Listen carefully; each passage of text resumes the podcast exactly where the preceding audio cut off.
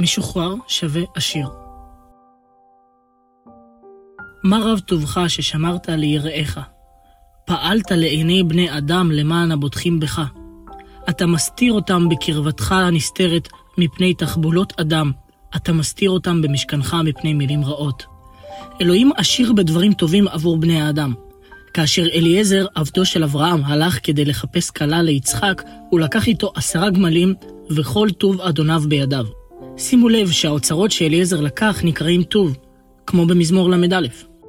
אלוהים לא רק מחזיק בדברים טובים, הוא גם נדיב, ואין נדיב כמוהו. יש לו שפע, גם בברכות רוחניות וגם בברכות חומריות. יש לו שפע בכל. בורא העולם יצר את כל הנראה והבלתי נראה. הוא מחזיק בכל ושולט בכל, הוא מקור הכל. אבל חוקר הלבבות לא מבזבז את הברכות שלו על כל מי שידרוש לקבל אותן. הוא שומר אותן ליראיו. הוא מסתיר אותן מתחבולות אדם. בדרך לטוב שלו, אלוהים שם מכשולים עבור אנשים שבשבילם המתנות הן בעלות יותר ערך מאשר הוא עצמו, זה שנותן אותן.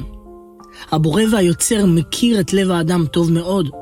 אנשים שהמטרה שלהם היא רק לקבל, לקחת, לתפוס ולנצל, לא יקבלו ברכה ממה שיקחו מאוצרות אלוהים. יותר מזה, זה עלול להחמיר את המצב שלהם. אנשים כאלה חולים בחולי רוחני וזקוקים לריפוי. אלוהים מכפיל את הברכות שלו בחיי האדם בהתאם למידה שבה הלב שלו נרפא. מאדם מלא בצע, הוא צריך לא רק להפוך למשוחרר מבצע, אלא אפילו לשנוא אותו.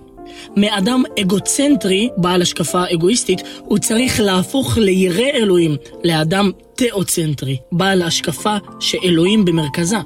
הלב המרדן והערמומי צריך להפוך לטוב, שקט ואוהב שלום. אז ברכות אלוהים וטובו האינסופי לא יזיקו לאדם. הן לא יטביעו אותו לתוך תוהו ובוהו פנימי. התקרבות האדם לאלוהים זה לא רק קבלת שחרור מחומרנות, אלא גם התקרבות לאושרו.